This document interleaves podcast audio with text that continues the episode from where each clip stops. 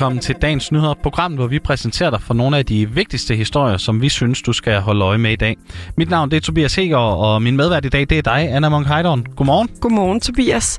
Ja, og i dag der starter Aalborg Opera Festival. Men er det overhovedet en festival for unge? Det har vi spurgt festivallederen om. Og så viser en ny rapport, at flere rektorer ikke tør indføre alkoholrestriktioner på ungdomsuddannelserne. Og så er det også i dag, at transportministeren indviger Danmarks første urbane lynladestation. Lad os komme i gang. Og vi starter lige med de her gymnasier, men, men først, Anna, måtte man drikke til for eksempel introfesterne og så videre, dengang du gik på gymnasiet? Ja, det måtte man, og det gjorde vi i den grad. Øhm, jeg kan huske, at vi, jeg tror kun, man måtte købe øl, faktisk. Ja. Det var dengang sådan i midt-nullerne. Øhm, og så har man jo drukket før, desværre også, ikke? Men der, mm. der, var ikke så, der var sgu ikke så mange restriktioner og tanke på det dengang. Nej, jeg gik jo lige nogle, nogle år senere, mm. øh, og da, da jeg, der hvor jeg gik, der var det kun folk over 18, der fik lov til at købe. Så uh. vi havde forskellige armbånd, men det hindrede jo ikke at, at de ældre så købte og gav videre. Selvfølgelig. Ja, og grund til at spørge ind til det her, det er fordi, at alkoholindtagelse på gymnasierne, det er jo ofte til bad. Tilbage i juni måned, der opfordrede Sundhedsstyrelsen og de danske erhvervsskoler og gymnasier og danske gymnasier i et åbent brev til landets rektorer, at man ændrer radikalt på drukkulturen på ungdomsuddannelserne. Og det skal ske nu, hvor et nyt hold unge de starter på uddannelserne efter en lang nedlukning. En rapport fra sidste år viste nemlig, at de unge har drukket mindre under corona, og de savner det heller ikke. I brevet der vedhæftede de endda retningslinjer, som uddannelserne de kan implementere. Men i går der kom der så en rapport fra Statens Institut for Folkesundhed. Her har man lavet et projekt, hvor ni gymnasier skulle implementere nogle strammere alkoholregler og tiltag, som også minder om dem, der har vedhæftet det her åbne brev.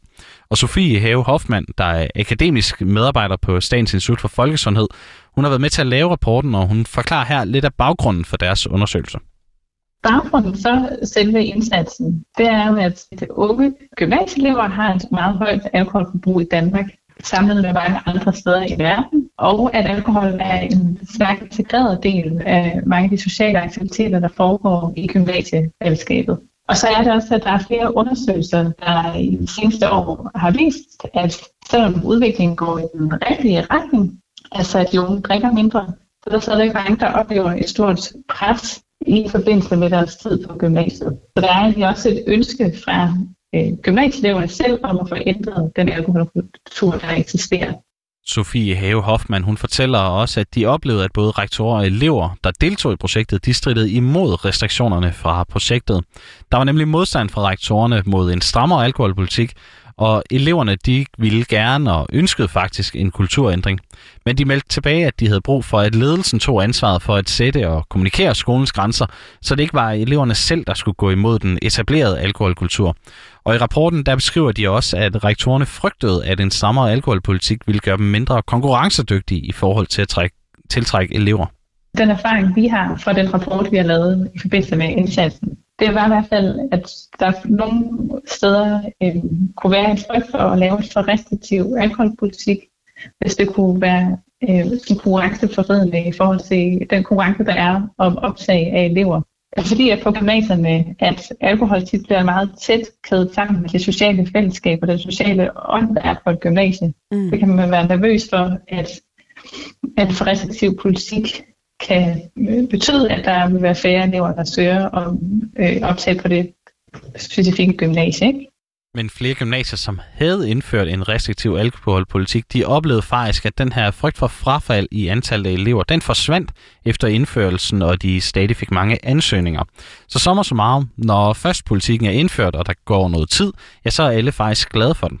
Det, som der var erfaringen fra de gymnasier, der tidligere har arbejdet med deres alkoholpolitikker, det er, at øh, der særligt i de første tre år kan være modstand fra eleverne mod de her ting, fordi øh, at de har en forventning, som selvfølgelig bygger på, hvad de har hørt fra tidligere elever, og de kan godt føle sig lidt snydt, hvis der er nogle oplevelser, de har en fornemmelse, at bliver taget fra dem, fordi der kommer nogle andre regler på området.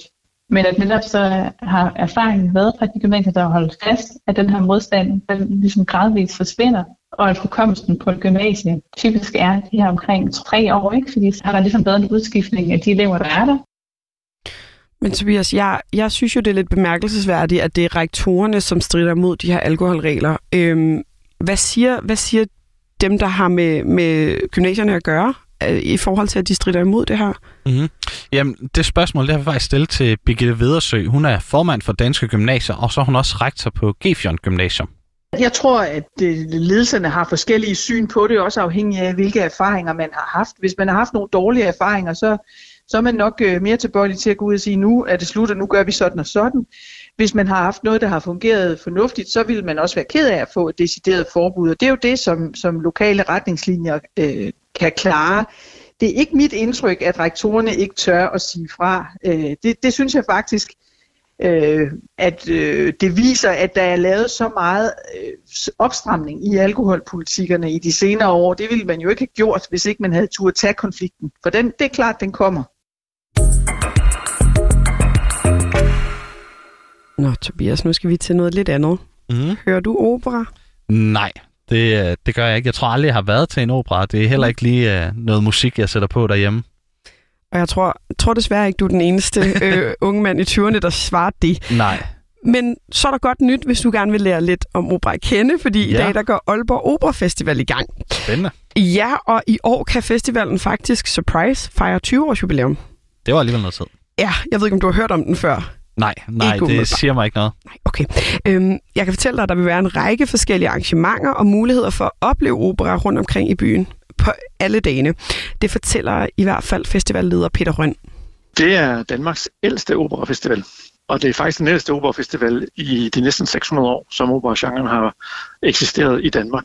Så, øhm, og vi har 20 års jubilæum, og det har vi i år, og det fejrer vi med, med mere end dobbelt så mange arrangementer og koncerter og forestillinger, som vi plejer at have. Så vi har mere end 50 i hele byen, ude og inde, i Aalborg og også i andre kommuner, Brønderslev og Rebel osv. Ja, og jeg tror jo, Tobias, at der er mange festivalshungrende unge mennesker derude her efter coronanedlukningerne. Men så kan man så sige, at lige præcis den her operafestival, så noget for unge mennesker som dig og mig, det har vi så også spurgt Peter Røn om den er for alle mennesker, og det har vi forsøgt at gøre med, sådan at, at der er faktisk en del for de unge, for at være sådan lidt ung med de unge, selvom med risiko for at være en buber, øh, jeg nærmer mig de 50 år, så har vi lavet en challenge til fire piger, hvor der er Nyx, som er rapper, øh, vildt fed fra København, så er der en øh, DJ fra Berlin, der hedder That Fucking Sarah, eller det kalder hun sig, og øh, så er der to barsanger, Diana Haugland øh, heroppe fra Aalborg, og så Laura Lehaf som også har boet i Aalborg og lige har flyttet til København.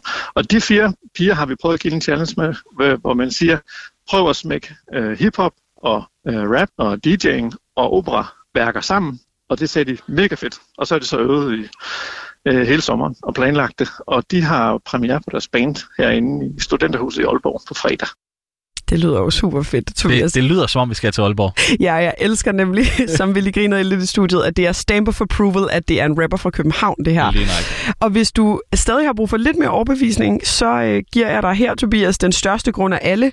Opera, det handler faktisk i sin essens om kærlighed. Uh-huh det er jo ultraromantisk med opera. Især hvis, måske hvis man ikke får for meget. Altså især hvis man ikke får tre en halv time, når man aldrig har hørt noget. Og, og det er måske et moderne værk, som er efterkrigstidsagtigt, hvor man ikke kan finde ud af, hvad der er øh, grundtonarten og sådan noget. Så, så der er ligesom, det påvirker folk. Og mange af melodierne kender vi fra film, og er simpelthen altså pop hits. Vi ved bare ikke, det er opera og Aalborg Opera Festival det løber af stablen fra i dag, den 5. august, og til og med den 8. august.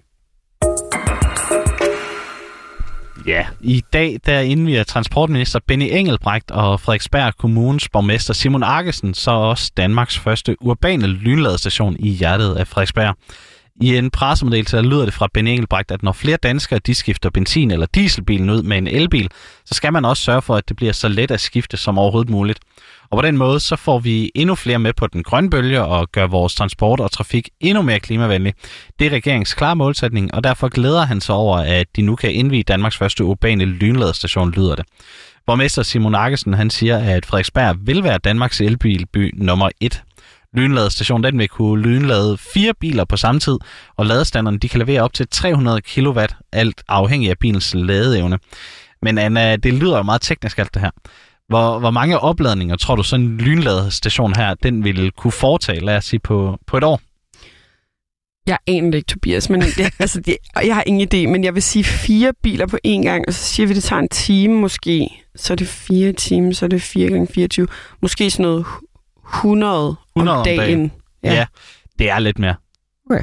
Nej, det er lidt mere. Det svarer til omkring 900 opladninger om ugen, så, så det er meget godt, meget godt bud. Det tager Okay. måske lige lidt mindre end en time så. Ja. Og i alt så vil den altså også kunne foretage 47.000 opladninger på et helt år. Wow. Det, Ja, er, det er, det er en- faktisk overraskende mange. Det er en hel del. Og indvielsen her, hvis du skal have din elbil op, så finder den sted lige bag Frederiksberg Rådhus. Det er klokken 15 i dag. Så skal vi jo som altid lige runde af med et par af dagens avisforsider. Og Jyllandsposten skriver i dag på deres forside, at klima mangler i hver tredje store firmas bonusordninger. De største virksomheder herhjemme erklærer sig socialt bevidste, men øh, mere end hver tredje af de største børsnoterede selskaber har ikke emner som bæredygtighed og ligestilling med, når der skal udmåles bonus til deres topledelse. Og det betyder, at klimatiltag og diversitet risikerer at blive slag i luften, mens ting som salg og bundlinje fortsætter med at løbe med al opmærksomheden. Og det advarer eksperter øh, og investorer i hvert fald om, det skriver avisen. Og hvilken forside har du taget med i dag, Tobias? Jamen, jeg har læst lidt på politikken i dag, og det handler om på deres forside, at unge de flytter hjemmefra senere, end de gjorde tidligere. Det er særligt i København og i hovedstadsområdet, at en voksende del af de unge de bliver boende hos deres forældre. Og grunden til det, ja, det er altså, at de har svært ved at finde bolig, de kan betale, siger en ekspert til avisen. I København der er andelen af hjemmeboende unge mellem 18 og 24 år på de seneste 10 år steget fra 16 til 22 procent. Samtidig så er aldersgruppen også vokset, så i 2011 der drejede det sig om knap 10.700 personer. Så er det altså i dag 16.900 unge, der bor hjemme hos deres forældre. Det viser tal fra Danmarks Statistik, som politikken altså har fået trukket. Og ministeren, han er, ministeren er åben over for indgreb, som kan sikre flere almene boliger. Og med det, så nåede vi faktisk også til vejs ende for den her udgave af Dagens Nyheder. Den var tilrettelagt af Julie Vestergaard. Vi har været din værter, Tobias Hegård og Anna Monk Tak fordi du lyttede med.